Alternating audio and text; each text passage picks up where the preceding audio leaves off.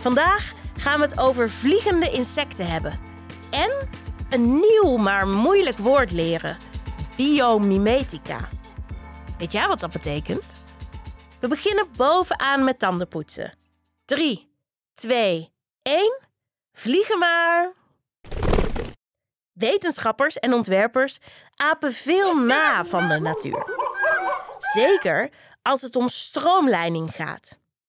Weet je nog dat ik je vertelde over de perfecte vormen van de natuur?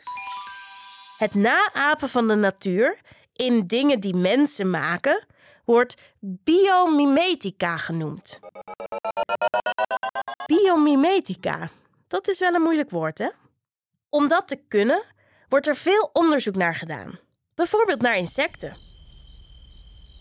Uitvinders willen graag drones zo klein als insecten maken.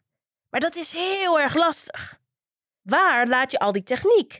En een batterij als een drone zo klein is? Daarom kijken ze naar insecten, zoals libelles en bijen.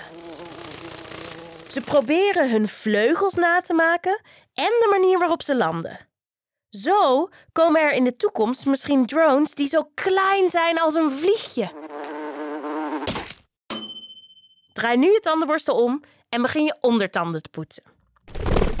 Heel slim natuurlijk dat wetenschappers naar de natuur kijken om dingen na te apen. Maar ik hoop niet dat ze dat met alles gaan doen.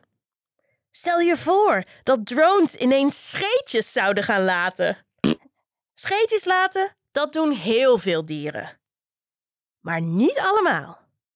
Wist je dat vogels helemaal geen scheetjes kunnen laten?